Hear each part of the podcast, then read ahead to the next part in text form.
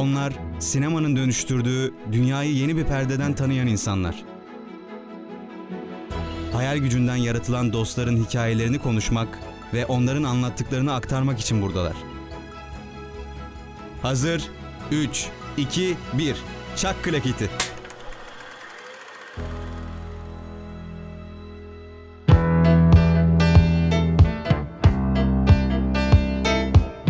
Merhaba sevgili radyo dinleyenleri. Bugün e, Klaket'in son bölümünde veya sezon finalinde karşınızdayız.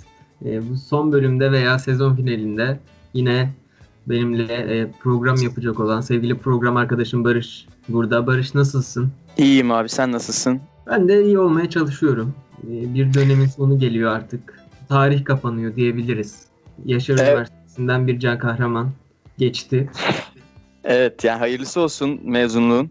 Mezunluğun mu denir artık ne denirse. Ayrıca programla ilgili de umarım ki okulda kalır ve bir şekilde bu programımız final değil sezon finali olur. Bunu temenni ediyorum. Çünkü seninle program yapmak hep çok keyifliydi. Bunu da ne olur ne olmaz diyerek bu programda söylemek istedim.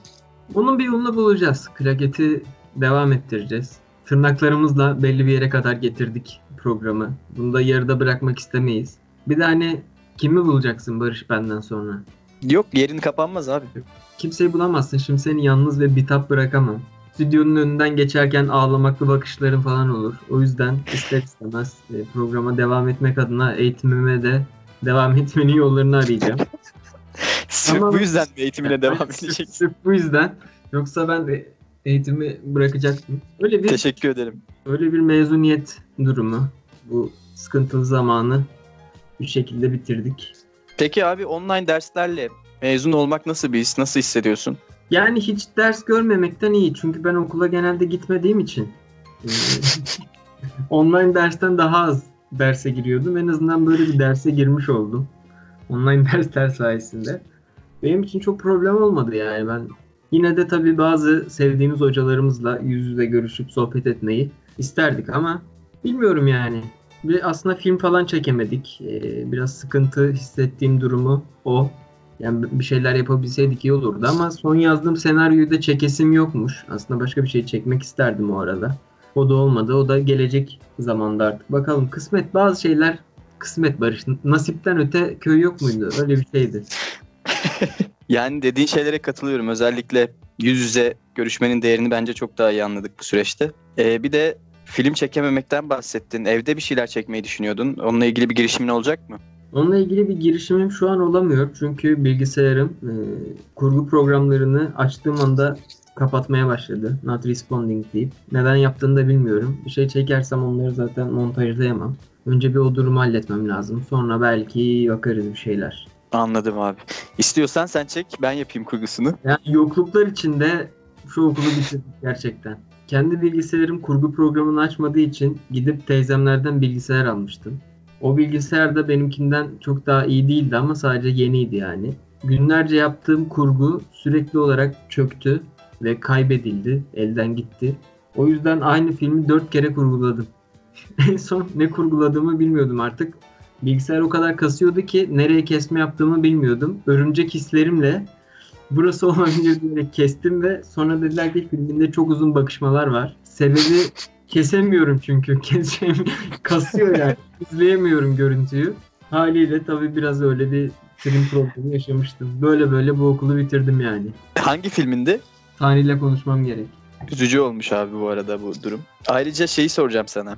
Şimdi dedin ya böyle böyle bitirdik. Geriye dönüp baktığında bu 4 yıl için ne söylersin? Yani nasıl hissediyorsun? Verimli bir 4 yıl mıydı senin için?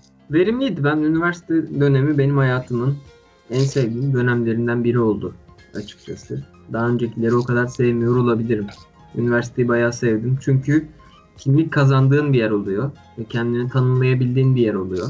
Çok fazla kural ve kaideyle sıkıştırılmıyorsun. Ve tabii biz sanat tasarım fakültesinde okuduğumuz için de tamamen fikirlerimizle ve yaratıcılığımızla geçen bir 4 sene oldu. Çok kıymetli hocalarımızın üzerimizde çok emeği var. Ee, onlar sayesinde de ileri atıldığımızı düşünüyorum. Yani bazı eksi yanları oldu açıkçası. Mesela böyle üniversite sosyalliği denen şeyi çok tattığımı söyleyemem. Çok kısıtlı şekilde e, tattım fakat çok güzel arkadaşlar edindim. Bunlardan birisi sensin Barış. Biraz duygular. Teşekkür ederim. Teşekkür ederim. Şimdiden söyleyeyim bu programın sonunda ağlayacağız büyük ihtimalle. İzleyiciler, dinleyiciler daha doğrusu hazır olsun. Ben başladım bile ufak ufak ama sesime daha yeni Sonra ne? Ha bu üniversite şeyinde işte yapmak istediğim bazı durumlar oldu. Dergi yazarlıkları, işte sinema yazarlığı, radyo programı, film çekmek, işte filmlerin festivalde gösterilmesi falan gibi böyle şeyleri eskiden hayal ederdim. Bunlar çok uzak gelirdi. Bunların hepsi bu e, üniversite dönemi içinde gerçekleşti. O yüzden benim için anlamı büyük kendisinin. Ve tabii aşk hayatımız da biraz kesat geçti. Mezun olurken bunları bunları bunları yaptım diyebileceğin aslında çok şey var. Evet. Ama aşk hayatıyla ilgili bir problem var sanırım. Evet bir kesat geçti. O bir verimli geçmedi. Özel yaşantımıza dokunduk biraz. Orada bir, bir eksi puan verebilirim. Şimdi çünkü mezun olacağız. Ben evleneceğim kızla nerede tanışacağım? Belki okulda kalırsın, okulda tanışırsın yine. Belki de tanışmışımdır Barış şimdi yani. yani muallakta bir şeyler. Bilmiyorum. Tabii doğru doğru. İleride göreceğiz bunları. Böyle güzel dostluklar, arkadaşlıklar, bir sıçramalar, bir şeyler. Bu şekilde üniversite bitti. Zaten üniversite neye yarar? Herhalde buna yarar en çok. Doğru diyorsun. Sevindim bir bakıma senin adına e, mezun olduğun için ama bir yandan içim kan ağlıyor biliyorsun. Şimdi ben okulun koridorunda dolaşırken seni göremeyecek miyim? Yani Evet. bu bu canımı çok sıkıyor benim. Okula gelmediğim için Gerçekte de göremiyordum doğru diyorsun ama en azından arada bir o denk geliyordu. güzeldi.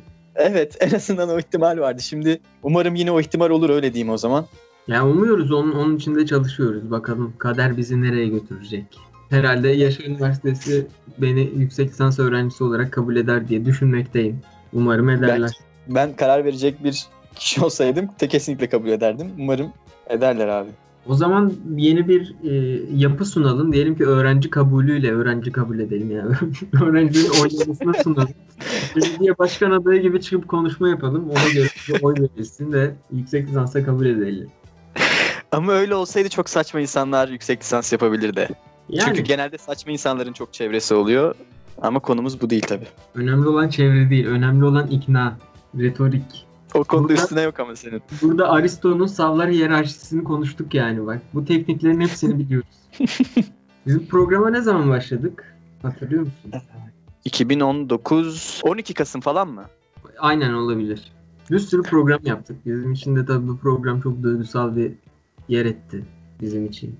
Bir şekilde içimizi boşalttığımız bir alana dönüştü. Sen bizim bu programımızla ilgili ne düşünüyorsun Barış? Benim için çok kıymetliydi. Öncelikle çok tecrübe edindim. İlk başta çok öğrendim. Ee, bu açıdan çok mutluyum. Yani sadece keyif alarak yaptığım bir şeyden ziyade öğrenmeme ve gelişmeme de çok faydası olduğunu düşünüyorum. Hem seninle konuşmak hem izlemediğim filmleri konuşacak oluyoruz. izlemek ve bir şeyler öğrenmek o filmlerden. Çok değerliydi. Onun haricinde seninle zaten normal gündelik yaşamımızda konuştuğumuz şekilde insanlara kendimizi gösterebileceğimiz bir yer oldu bu program. Bu hoşuma gitti çünkü hiç e, bir başkasıymış gibi davranmıyoruz burada. Olabildiğince normalde nasılsak öyleyiz. Ve sanırım dinleyenler de bundan keyif alıyorlar. Bu da çok mutlu etti beni. E, onun dışında şu an birazcık buruğum açıkçası. Ne olacak belli değil çünkü. Sesinde bir durgunluk var hissettim onu ben. birazcık var o dediğin durgunluk. Çünkü işte e, geleceğin nasıl olacağı, programın ne olacağı veya sadece program özelinde de değil de genel olarak nasıl bir şey olacağını çok merak ediyorum. Çünkü bana geçen gün bir şaka yaptın. Hatırlıyor musun? Bilmiyorum. O, o şaka çok hoş bir şaka değildi. Buradan da söylemek istiyorum yani o Sen şakayı. anlatabilirsin kısaca. Kısaca söyleyeyim. Can bana taşınacağını söyledi ve İstanbul'a taşınacağını söyledi. Çok kısa bir süre içinde. Ve Ben çok de sebepler sundum. Evet, evet. Bütün sallar hiyerarşisini kullanarak ikna edici sebepler sundu bana. Ben de inandım yani bir an gidiyor sandım. Sonra tabii şaka olduğunu anladığımda mutlu oldum ama o süre içerisinde çok gerildim. Çünkü bu kadar yakın olduğum birinin bir anda başka bir şehre taşınması çok korkunç. Düşünmesi bile çok korkunç. İyi ki buradasın. Umarım hep beraber Daha e, olmaya Burada devam ederiz. ağlayacağız yani bak dinleyiciler var ya yürekleri parçaladı dediler bu ikili bu ikili bitemez diyorlar. Bu dinleyicilerden bahsetmişken geçenlerde bize gelen mesajdan söz edelim. Sana okumuştuk ikimiz de. İsmini vermeli miyiz vermemeli miyiz bilmiyorum ama Şey Hatırlıyor yapalım haberlerdeki gibi e, ba- baş harfini ve soy isminin baş harfini söyleyerek. Hatırlamıyorum ben ismini İsmini- ama mesajı hatırlıyorum. DS baş harfleri. Zaten dinliyorsa o kendini biliyordur. Şimdi e, ona yazılı ola- olarak da teşekkürde bulunduk ama benim için çok değerli bir şeydi. Yani bir neredeyse bir senedir uğraştığımız bir şey. Ee, ve yani kendi zevkimizden çok biraz şey hissimiz vardı. Zaten biliyorsun ya her iş yapmaya kalktığımızda bir sorumluluk bilinciyle işte bir şekilde insanlara ufacık da olsa bir faydamız olabilir mi? Düşüncesiyle bir şeyler yapıyoruz.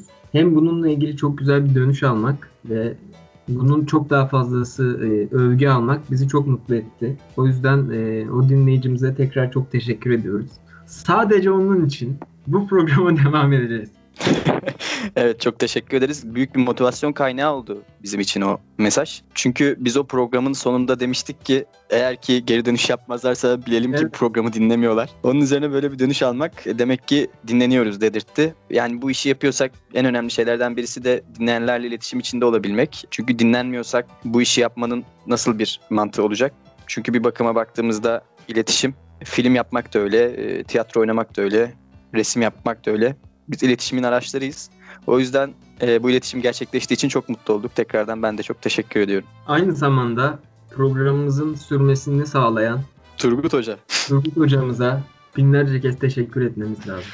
Onun da güzel yorumlarıyla her gün evet. nefes alıyoruz yani. Bizim bütün so- finallerimizi, sınavlarımızı, özel dertlerimiz sebebiyle olan aksaklıkların hepsini hoş görüp mükemmel bir şey yaptı hep. İsteklerimizi hiç kırmadı ama gerçekten. Evet. Ee, Çok teşekkür ederiz. Ve desteğini hep arkamızda hissettik ve hep o da bizi her zaman çok cesaretlendirdi ve motive etti. Turgut hocamıza da sonsuz teşekkür ediyoruz. Bir şekilde gelişebildiysek onun sayesinde oldu. Çok çok minnettarım bak çok duygusal bir veda konuşması gibi oluyor. Yani ben bu duygusallığı normal görüyorum. Yapılması gereken bir konuşmaydı. Zaten genelde programlara teşekkür ediyorduk ama e, bugün ekstra bir duygusallık var üzerimizde anladığım kadarıyla. Böyle bir konuşma yapmaya şaşırmadım o yüzden. Yani burası bugün kaybedenler kulübü gibi oldu. Çığını yapacağım şimdi. Seattle'da iftar vakti diyeceğim yani. Seviyeye geldim melankolide. Ama şakayla melankolimi kapatmaya çalışıyorum. Böyle bir durumdayım. Bugün konuşacağımız filmlerden birine çok benziyor. Ya benziyordu işte. Zaten e, ruh halim böyle olsun diye bekledik programı. Nuri Bilge'nin Haluk Bilginer'i beklediği gibi biz Aynen. de senin ruh halini bekledik. Biz de benim ruh... Programımız geçen hafta neden yoktu? Bazı program yok diye tepki aldım. Çok hoşuma gitti. Niye program yok diye. Kimden aldın? Gerçekten mi ya? Gerçekten aldım 3-4 kişiden. Dinliyorduk niye yok böyle iş olmaz falan gibi. Hakarete varan. Çok mutlu edici bir şey bence bu. Ya, e, aynen tabii ki mutlu edici bir şey. İşte biliyorsunuz ki final dönemindeyiz e, çeşitli durumlarımız vardı. E, o yüzden programın son bölümünü bu hafta yapmak durumunda kaldık. Beni daha da dinlemek isteyenler Berşan Tenliler'in Pickup programında da Pink Floyd yorumlarımı dinleyebilirler. Eğer bu program yetmezse oraya da bir şey yaptım. E, e, konuk oldum. Hayatımda ilk defa evet. radyo, ha, ilk defa değil daha önce de radyoda e, Sencer Hoca'nın bir programı vardı. Ona konuk olmuştum. Bu hayatımdaki ikinci radyo programı konukluğu. Nasıl buldun konukluğumu Barış? Ben çok beğendim. Çok sakin, çok dingin konuşmuşsun bence program boyunca. Ee, nabzın hiç atmıyor gibi konuşuyorsun. Bu kötü anlamda söylemiyorum. iyi anlamda söylüyorum bunu. Artık sanki e, radyo programı içerisinde yer almak senin için çok normal bir şey olmaya başladı. Çok profesyonel yapmaya başladın bunu. Ben çok beğendim programı, dinledim. Ama bir şey sormak istiyorum. Tabii. Pickup reklamından kaç para aldığını çok merak ediyorum yani. Barış'cığım parayla satın alınamayacak şeyler. Doğru haklısın. Duygusal bir tatmin. Evet doğru tabii. Önemli olan insan olmak. Tabii ki. Çok haklısın. Çok haklısın. Diğer konuda nabzının çatmaması ile ilgili şu anda öyle mi sence? Aynı şey devam ediyor mu? Şu an bence öyle değil çünkü son program bir de ben varım bu sefer karşında. Nabzın atacak tabii biraz. Çünkü normalde ben beta blocker kullanmaya başladım. Beta blocker kalp ritmini düzenleyen bir şey ve nabzımın hızlı atmasını engelliyor. Bir kalp ritim sorunum olduğu için. Ondan bir bana bir rahatlık geliyor böyle daha da. Sesim falan titremiyor hiç. Gayet heyecansız oluyorum. Herkese tavsiye ederim. Ömrünüz uzar, hayat kaliteniz artar. Tabii ki şey. Doktoradan Sen... asla şey yapmayın. Sen bugün reklamlardan para alıyorsun bence ama neyse. Barış'cığım şimdi burslar kesiliyor. Bu dükkanın da bir şekilde dönmesi lazım. Bu çorba nasıl kaynayacak? Doğru haklısın. Taş mı yiyelim?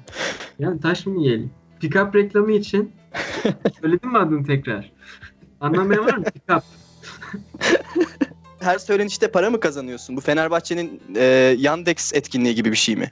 Ya her söylediğimde bir e, gülümseme kazanıyorum Barış. Öyle diyeyim. Ha, anladım. Çok daha çok daha değerli. Anlıyorum. Daha değerli. Kesinlikle.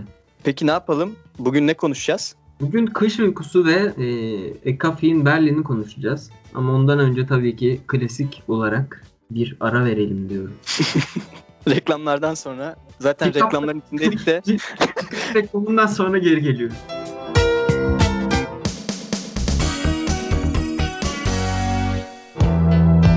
Aranın ardından tekrar karşınızdayız. Bu bölümde kış uykusunu konuşacağız Barış'la. Barış illa da bunu konuşalım, illa da bunu konuşalım dedi.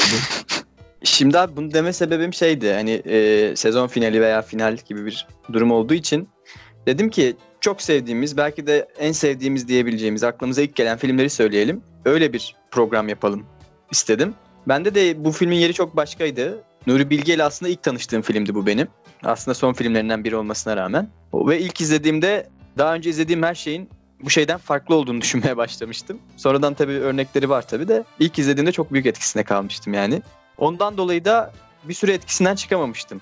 Bu filmi konuşmak istememin sebebi de o. Yani bu filmi acaba analiz etsek neler söyleriz hakkında, ne konuşuruz diye. Bir de şimdi Türk sinemasında Cannes'dan ödül alan, Altın Palmiye alan daha doğrusu ikinci film. İlki başka bir filmle ortaklık ediyordu. Tek başına alan ilk film. Çok büyük bir yeri var Türk sinemasında. Bence dünyada da çok önemli bir yeri var bu filmin. O yüzden bunu tercih etmek istedim. Sen de kabul ettiğin için teşekkür ederim sana da. O zaman sen konuş ben dinliyorum bu film hakkında. Üstüme oynanacak hissettim. Ee, e, neyse bir şey demiyorum. Son program bir şey demiyorum. Şöyle filmde Nevşehir miydi orası? Kapadokya mıydı? Nevşehir'den. Mekan mekan olarak çok evet çok iyi değilimdir. Orada bir oteli işleten eski tiyatrocu e, Aydın adında bir karakterimiz var. Bu adam bir eşi var Nihal diye. Nihal de işte çevredeki civardaki insanlara yardım eden hayırsever bir arkadaşımız. Bir de Necla var Aydın'ın kardeşi. Onun da ilişkisinde problemler olmuş. E, o yüzden gelmiş şeye otele. Dar anlamda bu eksen içinde dönüyor hikaye. Bunun dışında şöyle bir durum var. Aydın karakterinin davranışsal açıdan Nihal'e uyguladığı birazcık baskı söz konusu. Türk toplumunda işte kadının yerini irdeleyen bir durumda var. Çünkü Nuri Bilge'nin tek bu filmine değil bütün filmlerine bakarsak kadınlar hareketsiz, işlevsiz, eylemsiz kadınlar. Her ne kadar böyle olması üstse de gerçekçi bir sinema dili yakalayan Nuri Bilge'nin de gerçekleri yansıtması bence çok mantıklı geliyor yani bu yaklaşımı. Maalesef gerçekler bunlar yani. Yani bir kadın gitmek istiyorum deyip gitmez çünkü yalnız kalmak istemeyebilir ya da işte tek başına bir hayata adapte olmak istemeyebilir. Adapte olamayabilir ya da e, buna cesaret olmayabilir. Nihal üzerinden bunu göstermesi benim çok hoşuma gitmişti. Onun haricinde filmdeki her karakter bir nevi bir kaybeden. İşçiler kaybetmişler hep. Geçmişlerinde olmak istedikleri kişi olamamışlar. Genelde de film tartışma üzerine gidiyor. Yani sürekli birbiriyle tartışan karakterler görüyoruz. Çatışan durumlar görüyoruz. Ve baktığımızda karakterlerin bu çarpışmaları, çatışmaları da haklının haksızın olmadığı, hatta ilk baştaki çatışmada söylenilen şeylerin daha sonra yapılan bir çatışmada bir çelişkiye dönüştüğü. Yani bizzat insanın kendisini izliyor gibi hissediyoruz filmi izlerken. İnsan da çünkü öyle çok net, basit bir varlık değil. Karmaşık bir varlık. Dolayısıyla filmde de bu e, tartışmalar üzerinden yorumlarsak eğer bu karmaşıklığı çok net görebiliyoruz. Şimdilik böyle bir giriş yapmış olayım. Sen neler düşünüyorsun film hakkında? Şimdi ben şeye çok katılamadım. Ee, Nihal'le ilgili yorumuna. Ee, onu daha böyle insan olarak ele alırsak kadından ziyade bana biraz memnuniyetsiz konformistleri anımsattı. Yani hiçbir şey her şeyden şikayet etmesine rağmen e, mücadele etmesi gerektiği için oradan ayrıldığında yerinden kıpırdamayan atalet halindeki bir insan modeli. E, aslında sadece Nihal de değil, üç karakter de böyle. Aydın da böyle ve e, şey de böyle. Necla da böyle. Ama e, üçü de kendi dünyalarında çok büyük işler yaptıklarını düşünüyorlar sürekli olarak. Halbuki şöyle bir mevzuları var. İşte Nihal Aydın'ın parasıyla yardım yaparak kendini tatmin ediyor. Aydın kimsenin önemsemediği, çoktan e, halledilmiş meseleler üzerine tekrar edilmiş düşünceleri yazarak çok büyük şeyler ifade ettiğini düşünüyor. Necla da bütün kaybetmişliğine rağmen aslında kaybetmemişti, onu tercih etmiş gibi davranarak her şeyin elinde olduğunu düşünerek kendini tatmin etmeye çalışıyor. Böyle üç çeşit e, kaybedenimiz var. Üç ayrı farklı tatmin yöntemi olan ama aslında aynı özden gelen e, üç karakter var. Aydın'ın e, baskı şeyini mesela sen söylemiştin e, otelin adının Otello olması ve e, Otello sendromu ile ilgili Aydın'ın e, Nihal'i kıskanması gibi. Çoğu yerde de aslında Nihal'i serbest bırakmaya çok gönüllü Aydın. Kıskançlığı Evet. da direkt bir birey kıskançlığından ziyade e, yaşamını Aydın'dan saklaması üzerine daha çok. Ve bu ilişkilerdeki en temel problemlerden biri şimdi tabii bu tip ilişkilerden uzak kaldığımız için biraz zor bir analiz olacak ama yani bir misal verecek olursak biriyle beraber olduğunda karşı taraf seni kendi alanından sürekli dışarıda tuttuğunda e, orada bir şey gizlediğini düşünmeye başlarsın. E, ben Aydın'da daha çok bunu görüyorum ve o merakı gidermek için e, ortama dahil olup hatta ortamı bir nevi ele geçirmek üzerine bazı yöntemleri var. Tabi biraz da böyle bir kibirli bir insan olduğu için çok iyi bir insan olmasının yanında kendini olduğundan üstün gördüğü için Nihal'in ve çevresinin yaptığı şeyleri beceriksizce bulup onlara da el atmak istiyor. Belki de Nihal'i böyle etkileyebileceğini düşündüğü için yapıyor. Tabii Nihal'den ters tepiyor bu durum.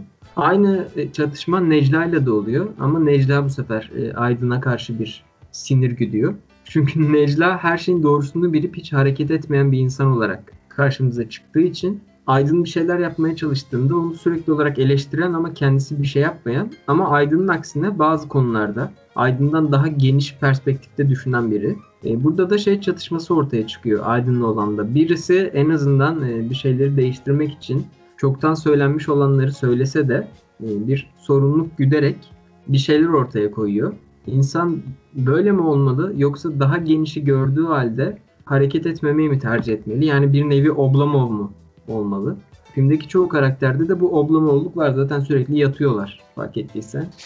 evet. bir yatıp söz konusu. Aynı zamanda e, yanılmıyorsam bu Çehov'un Canım Karıcım adlı öyküsünden yola çıkarıl- çıkılarak yazılmış bir senaryo öyküsü. Evet.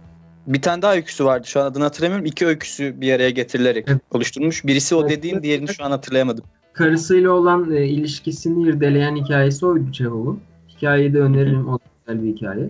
Dolayısıyla yani Nihal kısmına o şekilde çok katılamadım. Ben de şöyle izah edeyim neden öyle düşündüğümü. Bu film özelinde düşünerek böyle bir yorum getirmedim. Nuri Bilge'nin genel olarak kadın karakterlerine baktığımızda bunu görüyoruz. Aslında sadece Nuri Bilge de değil birçok e, yeni nesil Türk sinemacının karakterlerine baktığımızda bunu görebiliriz. Bu e, yaklaşımın böyle olduğunu düşünmeme sebep olan bu film özelinde de bir sahneydi. E, sahneyi belki hatırlıyorsundur. İşte Aydın'ın Nihal'e e, istiyor çok istiyorsan git deyip işte asgari ücretle çalışırsın. Yorgunluktan zamanın kalırsa işte bu süper kahramanlığına devam edersin, hayırseverliğine devam edersin tarzı bir net olarak hatırlamasam da öyle bir cümlesi oluyordu. O cümle Aydın'ın Nihal'i eleştirmesi tabii ki film içinde ama sanki izleyicilere de bu şeyi soruyor gibi yani sorduruyor gibi gelmişti. Kadınlar hakkındaki bu ilk baştaki konuşmamda bahsettiğim soruyu. Çünkü baktığımız zaman filmlere de genel olarak kadınların böyle bir yapısı oluyordu. Ayrıca çok da e, haksız sayılmaz bence öyle olsa da. Yani bu genel olarak bütün kadınlara söylediğim bir şey değil fakat dediğin gibi hayırseverliğini de eşinin parasıyla yapan ve kendine dair hiçbir alanı olmayan mı denir artık kendi e, çabasıyla veya bir Kendi çabasıyla kazandığı bir şey olmayan aslında. A- aynen aynen. Böyle insanların bir şekilde e, esir olduğunu görüyoruz. Yani toplum üzerinde bunu eğer cinsiyet olarak konumlandıracak olursak da e, erkek de böyle bir şey yapıyor olabilir ama kadınların bu özgürlükle ilgili problemlerinde de aslında kendi kendilerini ne derler idare edemediklerini yani maddi açıdan ekonomik açıdan diyorum öyle bir durum oluştuğunda birazcık özgürlükleri sınırlanmış oluyor. Kendi ayakları üstünde olan duran kadınlar bunlara nazaran bir daha özgür bir hayat sürüyorlar. Daha fazla birey olabiliyorlar. Maalesef burada da birazcık para konuşuyor ne yazık ki. Böyle olmasını istemesem de böyle bir gerçek var. Şimdi yanlış anlaşılmayalım. Biliyorsun son zamanlarda bazı hareketler var. Tersine bir Twitter'da falan yapılan bir akım vardı. Buradan nasibimizi almamak adına olayı daha sarih bir hale getirmek gerekiyor aslında. Tehlikeli şeyler söylüyorsun çünkü. Linç almak kaldı. Hayır ama ben diyorum ki bu, bu erkek yapıyor da olabilir. Yani mesela kadın birey, e, birey olarak maddi özgürlüğünü elde etmiştir. Erkek edememiştir ve bu sefer kadın erkeğin üzerinde bir e, baskıcı rol üstleniyor olabilir. Aynen öyle. Yani bu maalesef bu dönemin veya çağın getirdiği bir şey ya da hep böyleydi bilmiyorum. Bence hep böyle de olabilir. İşte özgür olabilmek adına birazcık bireysel olarak yani bir birey olarak kendi geçimimizi sağlamamız gerekiyor gibi geliyor bana. Onu söylemek Yani- istedim yani. Temel olarak e, özgür olmak istiyorsan ve kimseye minnet etmek istemiyorsan, kimsenin suratını çekmek istemiyorsan e, kendin mücadele etmek zorundasın bir şekilde ve işte o kendi özgürlüğün ne özgürlüğün neyse ne olduğunu düşünüyorsan e, ona kavuşana kadar hem erkek hem kadın e, çabalamalısın yani işin özeti aslında bu. İşte aslında Evet, aynı evet. aslında aynı şeyden bahsediyoruz çünkü filmdeki üç karakter aynı şekilde birbirine tutsak insanlar. Bana öyle geliyor. Yok kesinlikle öyle ama şöyle bir durum var. Bu da tuhaf kısmı bence. Yani bu tutsaklıktan kurtulmak istese bile insanlar bundan kurtulma isteklerinin sebebi bir şekilde kendi iktidarlarını oluşturmak. Yani e, böyle olunca da yani kendini haklı çıkarmak zaten tartışmalarda da görüyorsun. Yani net bir fikri savunmak yerine bir şekilde o tartışmadan haklı çıkmaya çalışıyor herkes. E, ama oluşan yeni iktidarlıklar iktidarlıklar da yeni tutsaklar oluşturacak. Bu yüzden de bu sona ermeyecek bir durum gibi. Filmde güzel bir replik var. Haluk Bilginer'in Aydın'ın söylediği. E, burası küçük bir krallık olabilir ama en azından buranın kralı benim diyor. Temel olarak filmin filmdeki karakterlerin iç yapısını tamamen ortaya koyan bir mesaj bu. E, Büyük denizde boğulmaktan korktukları için küçük yerde hüküm süren, işte parasıyla bir nevi oraya hükmeden, e, oranın en zenginlerinden biri olmuş. E, biri ve sürekli olarak her şeyden kaçıyor ve çok e, güzel bir karakter var, motorlu çocuk. E, her yere Hı. özgürce dolaşan falan biri var ya hani. Evet. Ee, Aydın'ın konuşurken sürekli kendini ona ispatlamaya çalışması, ben de zamanda şöyleydim, zamanda böyleydim, bilmem neydim demesi. Ama çocuk gittikten sonra da arkasından öyle baka kalması aslında gerçekten işte büyük denizde boğulmuş ve artık oralara açılmaya e, gücü kalmamış bir insan olduğunu çok çok net gösteriyor diğer karakterler gibi. Benim e, kafama takılan e, bir tek Nihal'in öncesi hakkında çok bilgimiz yok. Ya da ben kaçırdım Evet. mı? Yok ben de Nihal'in öncesiyle ilgili pek bir şey bilmiyorum. O bana Yani Necla'nın var, Nihal'in yok. Ne, işte Aydın'ın da var. Ee, diğerlerinin hikayesini mesela hatta şeylerin bile var. İmam'ın, İsmail'in, Necat İşler'in oynadığı karakterin onların bile geçmişlerini öğrenirken e, Nihal'in geçmişine dair bir şey öğrenememek bir ufak bir eksilti yaratıyor. Yani Evet daha doğru diyorsun. ne yapmış da nasıl evlenmişler falan. Ben, o, o soruları insan e, biraz arıyor açıkçası. Ama işte aslında benim hissettiğim de bu biraz Nihal'de yani. Filmde kendi işlevinden ziyade işte Aydın'ın durumlar karşısındaki tepkilerini yani Aydın'ı tanımamıza yardım eden bir araç gibi kalıyor geçmişini bilmememiz. O yüzden birazcık da işlevsiz bir durum oluşuyor. Nihal'i her ne kadar tanısak da bugünüyle tanıyoruz sadece. Ama diğer karakterleri öyle değil. Onların geçmişini de biliyoruz. İşte bu bahsettiğin e, büyük denizde boğulup küçük denizde kral olmaya çalışmak, çalışmak örneğini Necla için de yorumlayabiliriz. Necla da işte eşiyle problemleri olan ve belki oradan kaçıp burada bir şekilde tutunmak isteyen, tutunmaya çalışan birisi. Burada kendi krallığını kurmak isteyen birisi. Ve e, Aydın'ın atışmalarından da onu çok net seziyoruz yani. İkisi de birbirine öyle üstten bakıyor ki e, müthiş bir sahneydi o. Bakışlarını sırtımda hissediyorum diyor. evet o sahne. Çok iyiydi yani. Peki Barış, e, filmden şu ana kadar konuştuğumuz kavramlardan bazı tartışmalar açığa çıkarmanın vakti geldi gibi. Eyvallah olsun. Hiç hazır değilim. Ben de değilim ama bir şekilde böyle aklıma geldiği için. Yani büyük denizde boğulmak mı yoksa e, küçük denizde kral olmak mı? Güzel soru. Bence e, bir şeyi hayal ederken, bir şey hedeflerken de bu şekilde bence geçerli.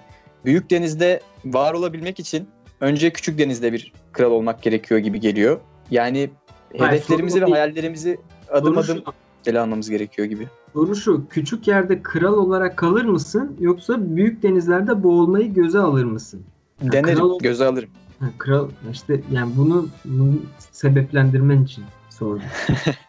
E, şimdi açgözlülük gibi değil de hayata bir kere geliyoruz ya da bir daha gelecek miyiz bilmiyoruz. E, denemek gerektiğini düşünüyorum. Yani sadece bir yerde elde ettiğinle oradaki krallığınla kalmak sadece kendini tatmin etmek olur. Halbuki baktığın zaman evren çok büyük bir yer. Sadece dünya da değil. Belki birçok farklı türden varlık var. E, ve yani küçük bir yerde kral olup yıllar geçtikten sonra aslında ben kimim diye o Haluk Bilginer'in yani Aydın'ın motorlu çocuğun arkasından baktığı gibi bakmayı hiç istemezdim. O yüzden başaramasam bile en azından görmek isterdim o büyük denizi. Sen ne düşünüyorsun? Ben bu konuda biraz Maslow'un piramidine inanıyorum açıkçası. Maslow piramidi nedir? E, ihtiyaçlar hiyerarşisi diye de geçer bu. E, bir insanın mutlu olması diyebiliriz herhalde. Mutlu olması üzerine gereken bazı stepler Maslow piramidindekiler. E bunlar fizyolojik, güvenlik, sevgi ait olma, saygınlık bir de kendini gerçekleştirme. Böyle üçü. Fizyolojik olan şey nedir ihtiyacımız? Nefes alacaksın, yemek yiyeceksin, işte cinsellik, uyku, sağlık falan filan bunlar hep bildiğimiz. Aslında şöyle e, piramidi şöyle düşünebiliriz. E, birinci step gerçekleşmeden e, ikincisi önemli olmuyor. Yani siz eğer Evet. nefes alamıyorken çok iyi arkadaşlığınız varsa o arkadaşlığın hiçbir önemi olmuyor. Dolayısıyla alttan yukarı şekilde e, ihtiyaçların tamamlanması gerekiyor Maslow piramidinde. İşte güvenlikte beden güvenliğin, iş güvenliğin, mülkiyet güvenliğin gibi şeyler. Sevgi ve ait olmadığı yine e, arkadaşlık, aile, saygınlık daha sonra, öz saygı, özgüven, başarı, başkalarına saygı duymak ve kendini gerçekleştirme. En tepesi de zaten kendini gerçekleştirme. İşte er, erdemli, yaratıcı, problem çözücü biri oluyorsun. Ve Biz e, üçüncüde kalıyor gibiyiz abi. Ben hep öyle hissediyorum. Evet. ve e, Neyse bu değil konu. e, hayatını şey yap. Şimdi mesela biz üçüncüde şu an kalıyoruz. Neden? İş hayatına atıldığımızda ikiye düşeceğiz. İş, Evet, aile ve doğru. sağlık şeyini yapana kadar tekrar öbürü önem kazanana kadar ikiyle uğraşacağız. Neyse bu, bu e, kendini gerçekleştirme mevzusu hep hani mutlulukla bir tutulan bir şey. İnsan ancak hani kendini gerçekleştirirse mutlu olabilir gibi bir e, söylem var genel Hı hı. e, literatürde. Dolayısıyla bana şöyle geliyor e, bu durum. Küçük bir yerde kral olmak e, senin e, kendini gerçekleştirebileceğin bir alan olamaz. Çünkü e, kendini gerçekleştirmek daima e, deneyip zorlamakla ilgili. Şöyle ki örneğin bir yazarsın ve e, bir dergide yazarlığa başlıyorsun ve o derginin en iyi yazarısın. Bu senin için küçük bir yerde krallık anlamına gelir. Ama hiçbir zaman daha sonraki o saygınlığı ve kendini gerçekleştirmeyi burada kalarak sağlayamazsın. Çünkü birincisi saygınlık kazanacağın kadar büyük kitlelere hitap edemezsin. Fikirlerini bu yüzden insanlar göremez ve sana hak verip veya haksız diyemez. Yani bir tartışma açamaz. E, dolayısıyla eğer bir konuda çok verimli fikirlerin varsa bulunduğun yerde çürüyüp gider. Tıpkı Aydın'ın olduğu gibi. Aydın o Evet. yüzden kendini gerçekleştirme kısmında tıkanıp kalmış e, birine dönüşmüş ve hiyerarşisi terse dönmüş artık. Gittikçe e, işte saygınlığını yitirmiş, aile bağlarını yitirmiş ve çok temel fizyolojik güvenlik ihtiyaçlarını karşılayan birine dönüşmüş. Fakat büyük denizde boğulmaya çalıştığında aslında mutlu olmaya çalışıyorsundur gibi geliyor bana. Haluk Bilginer'in çok güzel bir lafı var bir röportajında. Diyor ki insan durarak mutlu olamaz. Mutluluk mücadeledir diyor. Eğer bir, bazı duvarları aşarsanız ancak o zaman mutlu olabilirsiniz. Yoksa yattığı yerden mutlu olanı kim görmüş diyor. Haklı bir söylem. Ee, Evet. Dolayısıyla ben işte o duvarları aşmayı kafaya koymuş, aşamayacak olsa bile denemeyi, küçük bir yerde kral olmaya tercih ediyorum. Çünkü e, insanı daha mutlu edeceğini düşünüyorum. Çünkü bir doyuma ulaşmayacaktır mücadele. E, mücadele hayat boyu sürecektir. Evet katılıyorum. Bir de e, şunu zaten ilk başta söylemek istediğim kademe kademe muhabbeti de biraz bununla ilişkili. Yani büyük denizde mücadele edebilmek için o bahsettiğin dergi örneğinden yola çıkayım. Küçük denizi bir denemiş olman gerekiyor. Yani bir anda büyüyü denemek de çok sağlıklı değil gibi geliyor bana. Bir, bir merdiven gibi düşünüyorum bunu. Ama işte merdiven 10 10 basamaklı bir merdivenin üçüncüsünü çıkınca orada kendini iyi hissedince orada durmak yerine o merdiveni tamamlamak gerekiyor ki e, çıktığın yerde ne olduğunu görebilesin bir bakıma kendini görebilirsin senin de dediğin gibi. Bunun dışında o doyum konusuna değineyim. Doyumdan bahsettin az önce. İnsan doyumsuz bir varlık ve bir yerde bir krallık elde ettikten sonra bunun da bir süre sonra insanı doyurmayacağını düşünüyorum. Yani evet bulunduğum yerin kralıyım. Peki sonra yani insan bir süre sonra bundan da sıkılacak ve yine daha fazlasını isteyecektir. Bu yüzden de mutluluğa ulaşamayacaktır. Senin bahsettiğin örnekten yola çıkarak kendini de tamamlayamayacaktır o zaman. Dolayısıyla kendini de gerçekleştiremeyecektir daha doğrusu. E, Dolayısıyla bu konuda sana katılıyorum. Ben de aynı fikirdeyim. Yine çok güzel bir söz var. İnsan sıkılan bir varlıktır. Antik Yunan'da Evet. bir filozofun sözüydü fakat kendisinin adını hatırlayamıyorum şu an. Gerçekten insan e, bulunduğu şartlara e, adapte olup bir süre sonra da e, onlardan sıkılmaya çok meyilli bir canlı. Dolayısıyla e, onun bir şekilde mutlu hissetmesi için sürekli olarak mücadele etmesi lazım. Çünkü neden? Mutluluk dediğimiz şey anda bulunan bir şey değil. Anda hissettiğimiz şeyin adı haz oluyor.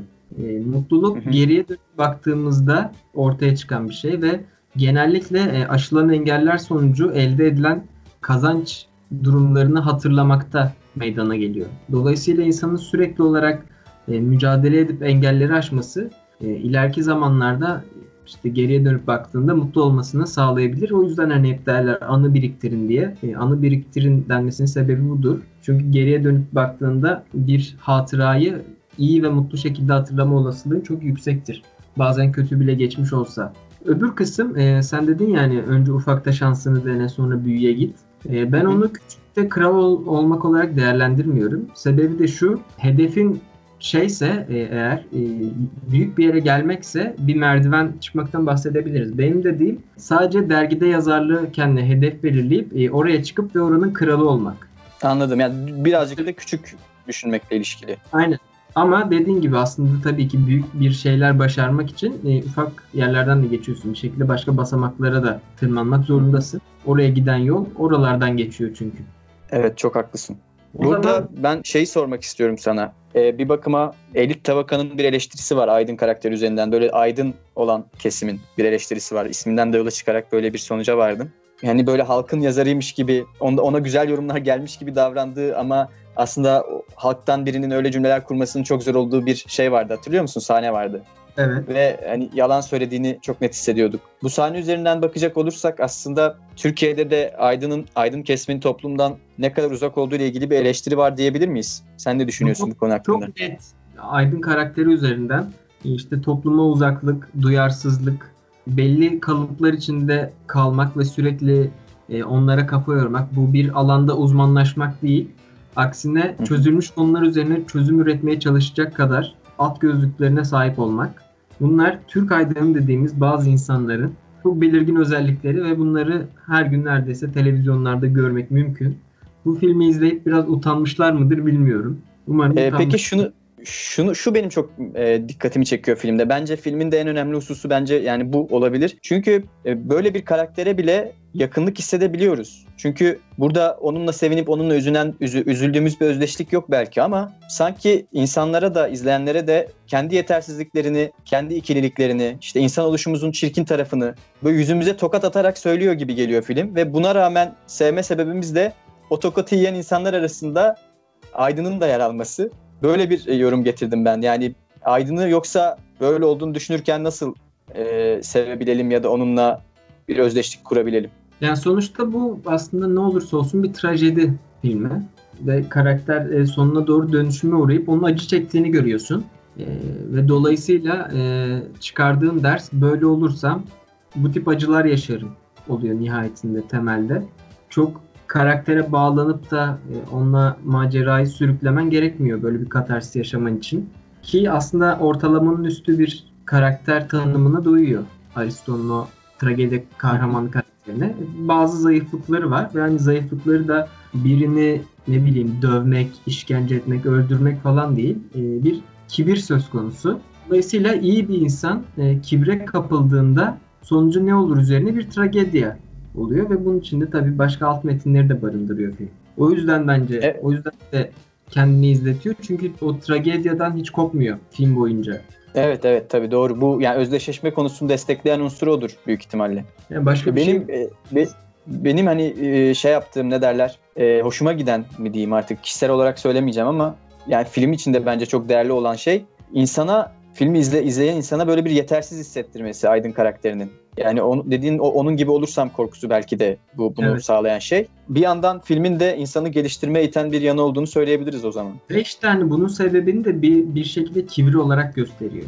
Yani burnu büyüklük, burnu evet. havada. Çünkü başına gelen her şey kibri yüzünden geliyor aslında. Karısıyla sürekli tartışmasının nedeni kibirli olması. Kardeşiyle anlaşamamasının nedeni kibirli olması. Daha önce dizilerde hiç oynamayıp sonra inziva hayatına çekilmesinin sebebi kibirli olması. Çünkü sadece tiyatro oynadım, hiçbir dizi ve, ve filmde oynamadım diyor mesela.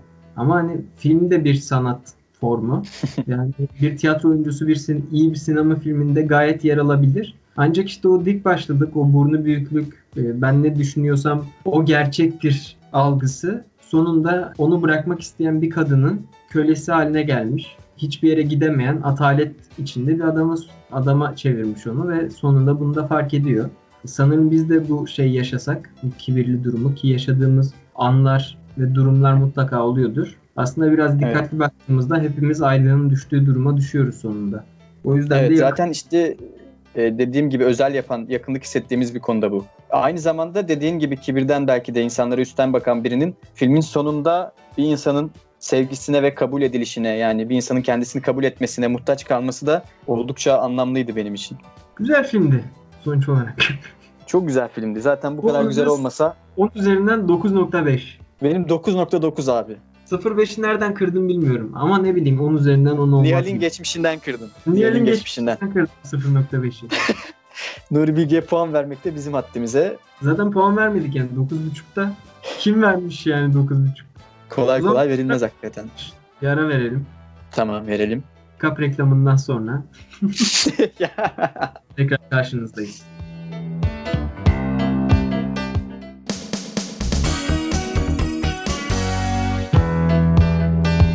Evet aranın ardından sezonun son bölümünün son bölümünde karşınızdayız. Kafein Berlin konuşacağız. Kafein Berlin'le ilgili söylemek istediğim ilk şey bu filmi sanki ben çekmişim gibi. Barış sen ne düşünüyorsun bu konuda? Evet abi ben de öyle düşünüyorum. Hem siyah beyaz bir film olması hem de çok melankolik bir film olması. Aynı zamanda mizah yanının da kuvvetli olması. Ya, tamamen senin yazacağın, senin çekeceğin bir film gibi yani her şey. Yani bu filmi atıyorum ben kimin çektiğini bilmeden izliyor olsam ve deseler ki bu filmi işte senin tanıdığın biri çekti. Net olarak bu filmi can çekmiştir derim yani. O kadar Evet. senlik bir film. kamera açıları, konu, diyalog yapıları, o işte şaka üzerinden olmayan komik sahneler duruma dayalı. Resmen benim sinema görüşümü tamamen yansıtan enteresan bir film. Evet bu Mesela- filmi tercih etmene şaşırmıyorum. Yani bir eskiden münasebetim olan bir hanımla bu filmi izlerken bir Tom Schilling'in duş aldığı bir sahne vardı. Onu görünce dedi ki bunu sen mi çektin? Bu ne biçim şey dedi ve bunun üzerine hiç konuşmamıştık. Ee, Genelde beni birazcık tanıyanlar bu filmi izledikten sonra e, benim çektiğimi düşünüyorlar. Özellikle e, bizim senin başrolünde oynadığın e, İngiltere'de festivaller görmüş olan Duvar adlı filmimiz şey Çok olarak benzer. duygu olarak ve diyalog yapısı olarak ve aslında hani o komiklik bakımından da bir nebze çok benzer tonda. Ondan sonra Kafein Berlin'i izlemek benim hoşuma gitmişti açıkçası ama biraz da sinirlendim çünkü öyle bir uzun film yapmak ben isterdim. Ne yazık ki Almanya'da. Jan Ole Gerster yapmış ve onu yaptığından beri de hiç film yapmamış. Tek amacı benim yolumu ke- kesmekmiş. Çok açık. Ve sinema piyasasından kayboldu. Tek amacı bence kesinlikle senin yolunu kesmek. Yani başka hiçbir amacı olamaz bu filmi yapmakta. Almanya'dan falan ödüller almış. Bunların hepsi hikaye. Kesinlikle tek seni düşünüyor. Başka hiçbir geldi- ihtimal yok yani. Gördü gördü gelen var. Dip dalgayı gördü. Dip dalga geliyor. Ve bunun ben önünü keseyim. Beni bitirdi Ya ya. da o, o- ya da o başlangıcı olmak istedi. Ama abi sıkma canını. Her hikayenin eşi benzeri var. Ee, o hikayeyi nasıl alıp nereye yerleştirdiğin de çok önemli. O yüzden e, senin belki de daha ilerini çekebileceğine inanıyorum ben. Ya ben öyle çekmek istiyordum ama. Problem o işte. Benim elimden yöntemimi aldı. E ama o çekti diye bir daha yöntemde çekilmez mi yani film? Çekersin ne olacak? Ya biraz araklama gibi olur. İşte yazamadık Barış yeni senaryomuzu. Gittik başka türlü şeyler yazdık hep. Doğru abi Tabii, haklısın. Senaryom daha iyi de benim yazdığım daha iyi de Ya, o- ona ne şüphe abi ona ne şüphe ya. Kafin Berlin'de fena değil yani. Ama benim yazdığım iyi. Fena değil. Kafein, Kafein Berlin'e kaç puan verirsin? Kafin Berlin'e 8 veririm. İyi, iyi puan. 8 de iyi puan. Gayet iyi abi zaten. Daha ne olacak Tabii yani? canım. Genelde 4-3 verdiğimiz için. Biraz filmin konusundan bahsedelim. Evet. Ben mi bahsedeyim? Bu sefer de sen bahset abi. Nico diye bir karakterimiz var. Tom Schilling oynuyor. Ee, bu karakterimiz e, uyumsuzluk yaşıyor. Kim gibi sence Barış? Bir örnek var mı aklında? Var Evet. var. Can kahraman. Biraz şey gibi aslında. e, Albert Camus'un yabancı kitabındaki karaktere benziyor ama onun kadar umursamaz değil. Ee, Arkadaşlık ilişkileri falan daha samimi olan, duyguları olan ama bir bir çeşit çıkmazda olan bir karakter. Ee, bu karakterin film boyunca kahve içmeye çalışmasını görüyoruz aslında. Hikaye bundan ibaret. Ve o kahve içmeye çalışırken e, başına gelen durumlar bütünü filmi oluşturuyor kısaca. Film sanki biraz skeçlerden oluşmuş gibi diyebiliriz. Sanırım çok yanlış olmaz. Karakter Evet. birileriyle karşılaşıp onlarla e, diyaloglarda bulunuyor ve sürekli işte gün içinde yaşadığımız şey gibi derste biriyle konuşuyoruz, çıkıyoruz kantinde biriyle konuşuyoruz, eve geliyoruz biriyle konuşuyoruz gibi bir düzlemde ilerliyor. Fakat bunu e, içerik olarak o kadar iyi bağlamış ki e, film sonuna geldiğinde bir sürü argümanı toparlamış ve açıklamış bir sanat eserine dönüşüyor. Bu açıdan ben çok e, başarılı buluyorum öncelikle. Evet kesinlikle çok başarılı. Bana bu bahsettiğin yapısı filmin yani skeçvari yapısı bir de filmin siyah beyaz olmasından sanırım şeyi hatırlattı. Programda daha önce konuşmuştuk. Stranger Than Paradise. Biraz ona benzettim ben. Sen ne düşünüyorsun? Benzerlik var mı sence de? Var. Hem de dilleri de öyle yani hafif bir mizah durumu da var ya. Durumdan ortaya çıkan ama yani e, şaka yapmak için çalışmayan ama durumdan ortaya çıkan bir komiklik var filmde. O hali de ben çok benzettim yine Stranger Than Paradise'la. Filmdeki mizahı şöyle adlandırabiliriz aslında. Keyfimizi kaçıran şeylerin dışarıdan ne kadar komik göründüğü üzerine aslında. Ee, evet, evet. Filmdeki mizah. Yani karakterin başına gelen onun adına keyif kaçırıcı şeyler bizim için çok komik oluyor. Ve bu e, mizahın aslında özü üzerine de bir düşünce kapısı açıyor bize. Çünkü e, Aristo zaten Poetika'da şey demişti. Biliyorsun e, komedya karakteri evet. ortalama altında olur falan filan gibi. çünkü işte yaşadığı o problemlere onun e, rezil düşmesine falan güleriz. Ortalamadan üstün olursa e, biz de kendimiz de böyle durumlar yaşayacakmış gibi hissederiz gibi bir durum var. Aynen öyle. Filmde de aslında ortalamanın üstü olan bir karakterimiz var. Ama işte ona güldüğümüz anlar e, o genelde ortalamanın altında davranışlar sergiliyor. E, hayatta evet. hepimizin sergilediği hareketler aslında bir nevi. E, o da onları yaptığında genellikle gülüyoruz. Özellikle bir dilenci sahnesi var ki kahkaha bana. Müthiş bir sahneydi o. Filmde Berlin'i çok güzel kullanmışlar. E, Berlin sanki bir set gibi kullanılmış. Bir de yanılmıyorsam eğer e, yönetmeni bunu sanırım doktora programının sonu için çekmiş filmi. Öyle mi? Bilmiyordum bu bilgiyi. Öyle, öyle bir şey de biliyorum. Çünkü e, filmde set yok zaten. E, gerçek mekanlarda çekiliyor. E, ve e, o zamanlar çok bilinmeyen Tom Schilling oynuyor. Henüz yeni yeni ortaya çıkan. E, diğer oyuncular da çok ünlü değil. Aynı zamanda filmin zaten çok düşük bütçeli olduğunu hemen görebiliyorsunuz. Çok küçük ortamlarda çekilmiş. Yani sıradan bir ev böyle bulunmuş bir apartman dairesi işte rastgele bulunan bir ofiste falan çekildiği e, çok belli filmin. E, ve sokakları kullanıyor bol bol. Evet. Oyuncu yönetiminin de çok başarılı olduğunu söylemek lazım. Özellikle Tom Schilling inanılmaz bir performans sergilemiş bence. Yani senin de bu performansı sergileyebileceğini düşünüyorum. Bunu seninle daha önce de konuşmuştuk. Ama filmle ilgili bir şey sormak istiyorum ben sana. Eğer iznin olursa. Tabii. Şimdi filmde biliyorsun karakterin evinde uyandığı bir hanımefendi var. Evet. Ee, bu hanımefendi diyor ki işte kal biraz sana kahve yapayım diyor ve işte Nico adındaki ana karakterimiz bu kahveyi reddediyor ve bu reddi yaparken de yapacak çok işim var diyerek reddediyor ama halbuki hiç işi yok. Bazen hepimiz işsizlikten meşguliyet yaratırız. Hiçbir işimiz yokken bile meşgulüzdür. E, tembelleşmişizdir. Bir bahane ararız. Nikon'unki de birazcık bu duruma benziyor. Ama karma mıdır nedir bilinmez. O kahve içmiyor ve film boyunca da kahve içmeye çalışıp kahveyi bir türlü elde edemiyor. Finalde elde edebiliyor. E, buradan bu perspektiften baktığımda da bir türlü net bir at koyamadığım bir şey var burada. Yani kahve ne isim geliyor sence? Şimdi sen aldın bombayı.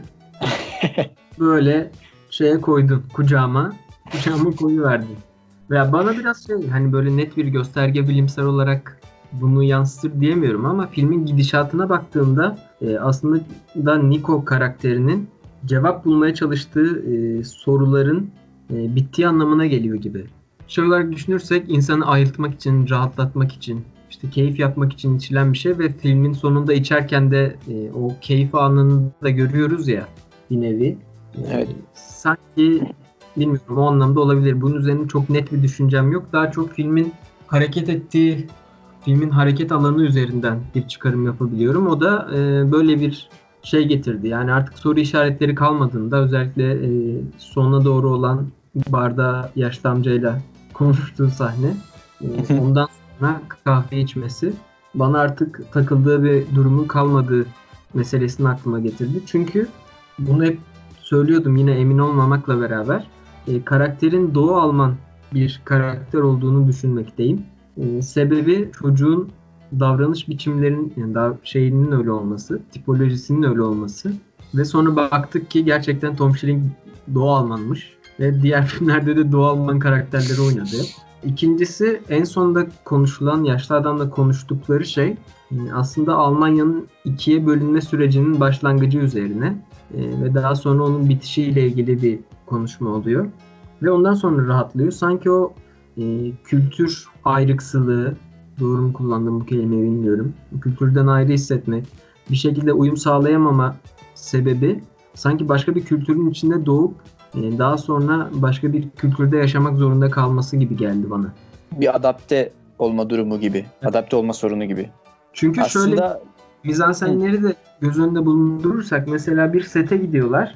E, Nazi Almanyası ile ilgili bir set var. E, daha sonra bir tiyatroya gidiyorlar. Tiyatro modern sanat üzerine. Yaşlı adamla konuştuğu yer yine e, İkinci Dünya Savaşı ve sonrası üzerine bir konuşma var. E, bunları birleştirdiğin zaman aslında hani or- orayla ilgili temel bir problemi olduğunu görüyorsun filmin. Örneğin hani Doğu Almanya'da hiç modern sanat yokken e, Batı Almanya'da o zaman ve şu anki Almanya'da modern sanat çok fazla. Ve hani o çocuğun onunla karşılaşması, e, o olanlara karşı biraz tepkisiz kalması, anlamaya çalışması, sonra tartışma çıktığında e, ona karşı da tepkisiz kalması, çok arkadaşını falan savunmaması gibi şeyler de olayın içinde olduğu için bir adaptasyon sorununa yoruyorum ben durumu. Evet iyi bir yorum yapmışsın. Ben bu açıdan hiç düşünmemiştim aslında. Yoruyorum ama kanıtlayamam. ya şimdi bu kadın karakterini oynadığı modern tiyatro hakkında Nico karakteri bunu çok beğendiğini söylüyordu ama sanırım o beğenme de birazcık şey bir beğenmeydi. Yani söylemek zorunda olduğu için söylemiş olduğu gibi bir izlenim yaratmıştı bende. Yani çok da Zaten bayıldığını söyleyemeyiz, gülüyordu. Onunla ilgili şey aklıma geldi. Kızla olan geçmişi o kadar kötü ki kız artık kötü bir şey söyleyecek hali kalmamış çocuğun. Öyle bir durum da evet. var. Evet yani aslında dediğin gibi o modern sanata çok da adapte olmuş, çok da benimsemiş ve ondan çok keyif alıyor gibi bir hali yok. Hani öyle bu yorumdan sonra o sahneden yola çıkarak e, ama bundan hani keyif aldı. Bu batıda oluyor. Bu adam doğuysa adaptasyon sorunu varsa e, nasıl bunu beğendi gibi bir düşünce içine girdim kendi kendime. Yine senin o yorumundan sonra belki filmi izleyenler böyle bir düşünce içine girer diye açıklık getirmek istedim özellikle. Dediğin gibi adam zaten zamanda o kadar kırmış ki kızı, o kadar aşağılamış ki artık e, şey istiyor yani e, bir daha kötü bir şey söylememek istiyor. E, bunun için de çok çaba sarf ettiğini görebiliyoruz. Özellikle kadının da o dert ettiği problem hakkındaki yaklaşımı çok enteresandı tuvaletteki. Yani şimdi kadının geçmişte takılı kaldığı bir durum var. Hala sorun ettiği, geçmiş olmasına rağmen. Aslında tıpkı Almanya'nın durumuna benziyor bu. Senin yaptığın yorumlar yorumları düşününce şu an benim de aklıma öyle bir fikir geldi. Yani Almanya'da her ne kadar o günlerin üzerinden çok geçmesine rağmen 2. Dünya Savaşı'nın ve sonrasının üzerindeki etkilerini tamamen atlatabilmiş değil. Kolay kolay da atlatabilecek mi onu da bilmiyorum yani. Her ne kadar unutulmuş olsa da e, insanların içinde bence kolay kolay unutulmayacak bir durum bu. Bununla ilgili güzel bir film izlemiştim. E, Yalan Labirenti adı. 2014 yapımı ve e, yabancı dilde en iyi Oscar adayı oldu. Sanırım aldı da 2014 yılında. Yine Alman filmi. E, orada şöyle bir durumdan bahsediyordu. E, bir avukat var, genç bir avukat e, ve durum bir şekilde e, Nazileri araştırmasına neden oluyor. O da araştırırken görüyor ki, yani bu tabii Naziler olduktan sonraki dönem ve artık herkes Nazilerden nefret ediyor. Kimse işte onları sevmiyor ve sanki Naziler orada hiç desteklenmemiş gibi davranıyorlar. E, çocuk araştırdıkça görüyor ki en yakınları da daha işte o doğamadan önce Naziymiş ve Naziler yıkıldıktan sonra işte yeni gelen hükümetlerle beraber Naziler çok kötülendiği için birden kılık değiştirip Nazilere her zaman karşıymış gibi davranı, davranmaya başlamışlar. Almanya'da hala böyle insanlar olabilir ki hatta neonaziler dediğimiz evet. tip de var. Dolayısıyla onun sancıları devam edecektir. Yani her savaşın sancısı çok uzun sürdüğü gibi bu savaştaki bir de bu çok spesifik ve çok eşi benzeri olmayan bir olay. Şu anki Alman halkı bundan sorumlu olmasa da hala bu fikri taşıyan e, insanlar aralarında barınıyor mutlaka. Bunlarla aslında e, fikirsel olarak savaş halindeler. Fakat senin de dediğin gibi bunun sancısı hala devam ediyor. Yani e, ben de kendi deneyimimden yola çıkarak şunu söyleyeyim. Mordoğan'da işte pansiyona gelen müşterilerimiz var. Müşterilerden bazıları Alman ve uzun süredir orada yaşayan insanlar. Onlarla konuşma fırsatım olmuştu. Bu bahsettiği neonezileri parti olarak da meclise girmişlerdi sanırım. %20'lerde de oy alıyorlar yanlış bilmedi yanlış hatırlamıyorsam ya da alması bekleniyordu o dönem. Konuştuğumuzda çünkü bunun üzerine konuşmuştuk. Ki e, bu gelen müşteriler de onları destekliyordu. E, kesinlikle işlerinde var olduğunu düşünüyorum. Hatta bir dönem ya da o dönem aradaki dönem boyunca ayıplanacak bir şey olarak gördükleri için daha doğrusu dediğin gibi o kılık değiştirme muhabbeti gibi belki de gizlediler ses çıkartamadılar ama bir şeyin üzerinden zaman geçtikçe o şeyin hatırasının etkisi azaldığı için e, şimdi tekrardan ses çıkarma fırsatı buldular ve bu da politik açıdan kendini gösterdi. Onun haricinde de toplum içinde de etkisi artar mı zaman gösterecek ama kesinlikle üstlerinden atamadıkları bir durum ve hala içlerinde çok fazla e, Nazi sevici insan olduğunu düşünüyorum. Ya Avrupa'da ve dünyada milliyetçilik tekrar yükselmeye başladı. E, muhtemelen biraz daha yayılacaktır. Tabii artık eskisi kadar tamamen yerel bir Alman halkından ya da ne bileyim Hollanda halkından bahsedemiyoruz. Çok fazla göçmen insan olduğu için e, eskisi gibi bir yoğunluk olmayacaktır diye tahmin ediyorum. Ama e, milliyetçilik akımının tekrar yükselişte olduğunu görmek için de büyük resmi görmeye gerek yok zaten ulu orta her şey. Evet, evet, evet çok doğru diyorsun. Peki ben bir şey e, soracağım. Bunu daha önce de sormuştum sana. E, yani sor, sormak değil de daha doğrusu konuşmuştuk. Açık bir cevap da verebileceğimiz bir şey mi pek bilmiyorum. Finalde ortaya çıkan yaşlı adamın adının Friedrich olmasıyla ilgili ne düşünüyorsun? Vallahi bununla ilgili senin düşüncen vardı. Ben hiç e, karakterin ismi üzerine düşünmemiştim çünkü. Şimdi Almanya, Alman yapımı denince, Friedrich duyunca insanın aklına Nietzsche geliyor haliyle. Bir de filmde de Nikon'un varoluşuna baktığımızda Nietzsche'nin varoluşçuluğuyla çok paralel bir şey olduğunu düşündüm. Çok paralel gördüm açıkçası ben bu durumu. Çünkü Nietzsche'de varoluşçuluğu böyle bir şeylere çok fazla sorumluluk duyduğumuz bir varoluştan ziyade sorumsuz olduğumuz bir. Hatta bir şeyde okumuştum, e, yazıda okumuştum. Neşeli bir sorumsuzluk olarak gördüğü söyleniyordu. E, Nietzsche'nin bu varoluşa bakışına baktığımız zaman ve Niko'ya baktığımız zaman Niko da hukuk fakültesini yarıda bırakmış. Ne istediğini bir türlü bilmeyen hatta bir sahnede söylüyordu sanırım. Geçmişinde de birçok şeye birçok kursa başlayıp yarıda bırakmış. Hiçbir yere kendine ait hissedemeyen bir sorumluluk yükle yani kendisine bir sorumluluk yükleyemeyen bir karakter ve varoluşu tamamen bir sorumsuzluk üzerine kurulu gibi geliyor. E, Nietzsche içinde var olmak e, zaten insan var olmak ve yaşamak bakımından değerli. E, Nikon'un yaptığı tek şey de aslında var olmak film boyunca. Yani ekstra bir şey yaptığını düşünmüyorum. Tabii bunu düşünerek ad, adını Friedrich koymuşlardır e, demiyorum ama işte Nikon'un sondaki rahatlamasını görünce e, acaba dedim hayata yani o rahatlığa sorularına cevap bulduğunu hissediyoruz ya. Hı hı. E, kendi kendi varoluşunun sorularına bir cevap mı buldu? Kendi için bir yol mu belirledi? Bunun hakkında film hiçbir şey söylemese de acaba diye düşündürttü yani bana isminin Friedrich olmasından yola çıkarak. O adamın da ölmesinden yola çıkarak. Onu söylemeseydin keşke en son. Yine spoiler vermiş oldun. Öz, özür dilerim dinleyicilerimizden. O bir tatlı olmadı gibi geldi bana. spoiler evet vermeden duramıyorum. Bir sıkıntı hissettim. Yavaş yavaş programımızın sonuna geliyoruz. Acaba şu an The Moody Blues'dan Melancholy Man çalar mı? Belki de şu an çalmaya başladı bile. Son cümlelerini alayım ufak ufak. Abi vallahi programın bugünkü içeriğinden hiç bahsetmeyeceğim. Genel olarak seninle böyle bir program yapmak benim için çok güzel bir deneyimdi. Her şey için çok teşekkür ederim sana. Ayrıca tabii bu programda emeği geçen Turgut Hoca başta olmak üzere dinleyicilerimize de çok teşekkür ediyorum. Birazcık buruk bir son ama umuyorum ki bir başlangıcı da olacak tekrar. Bu kadar söyleyeceklerim. Sen neler söylemek istersin? Biz öncelikle merak dolu bir son bırakıyoruz geriye. Acaba devam edecek mi, etmeyecek mi şeklinde. Bu program benim neredeyse 4 senedir, 5 senedir yapmak istediğim bir şeydi. Ee, bu Barış'la mümkün oldu. 4 senenin sonunda. Biraz beni fazla bekletmiş oldu. Okula da geç girdiği için ben de 2 sene. özür dilerim. Çok özür dilerim. Ancak yani biraz daha erken doğsaydı ve okula erken girebilseydi için daha faydalı olurdu. Belki dönem arkadaşım da olurdu. Daha iyi olurdu ama zarar yok. 2 sene sonunda böyle bir şey gerçekleşebildi. Vallahi ilk günümüzü hatırlıyorum. Bir prova yapalım diye girip programı kaydedip çıkmıştık. Sanki evet. bunu bekliyormuşuz gibi. Tabii yine Turgut hocamız o gün de bizi çok motive etmişti. Bunu da teşekkür ediyoruz her zamanki motivasyonu ve övgü dolu sözleri için. Ee, bizi buna bu programı devam ettirmek için de aslında daha çok cesaretlendirenlerden biri o.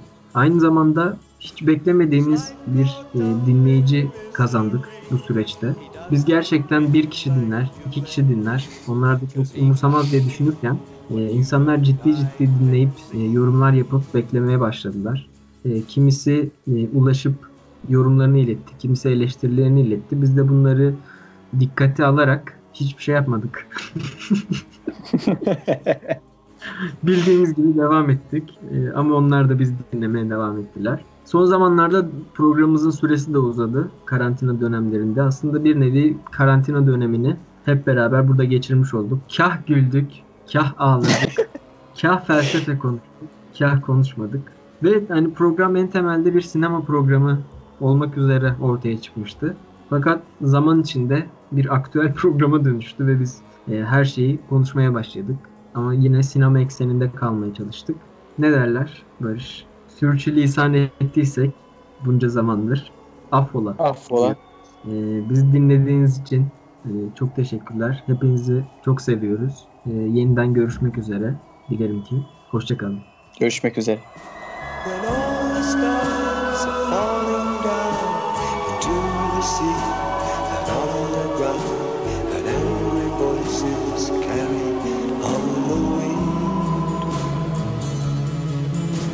A beam of light will fill your head, and you'll remember what's been said by all the good men this world's ever known. Another man is what you'll see who looks like you and looks like me, and yet somehow he will not feel the same. His life caught up in misery. He does not think like you and me, cause he can't see what you and I can see. I'm a melancholy man. That's what I am. All the world surrounds me and my feet are on the ground. I'm a very lonely man. Doing what I can. All the world astounds me and I think I understand that we're going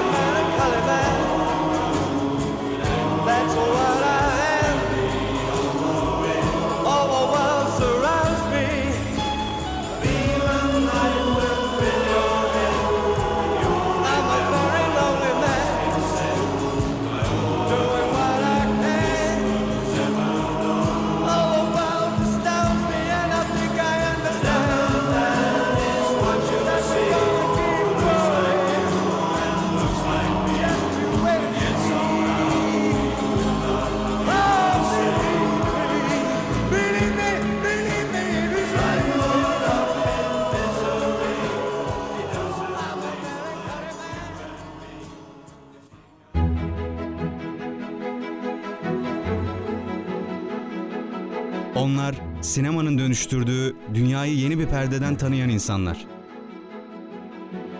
Hayal gücünden yaratılan dostların hikayelerini konuşmak ve onların anlattıklarını aktarmak için buradalar. Hazır 3 2 1 Çak klaketi.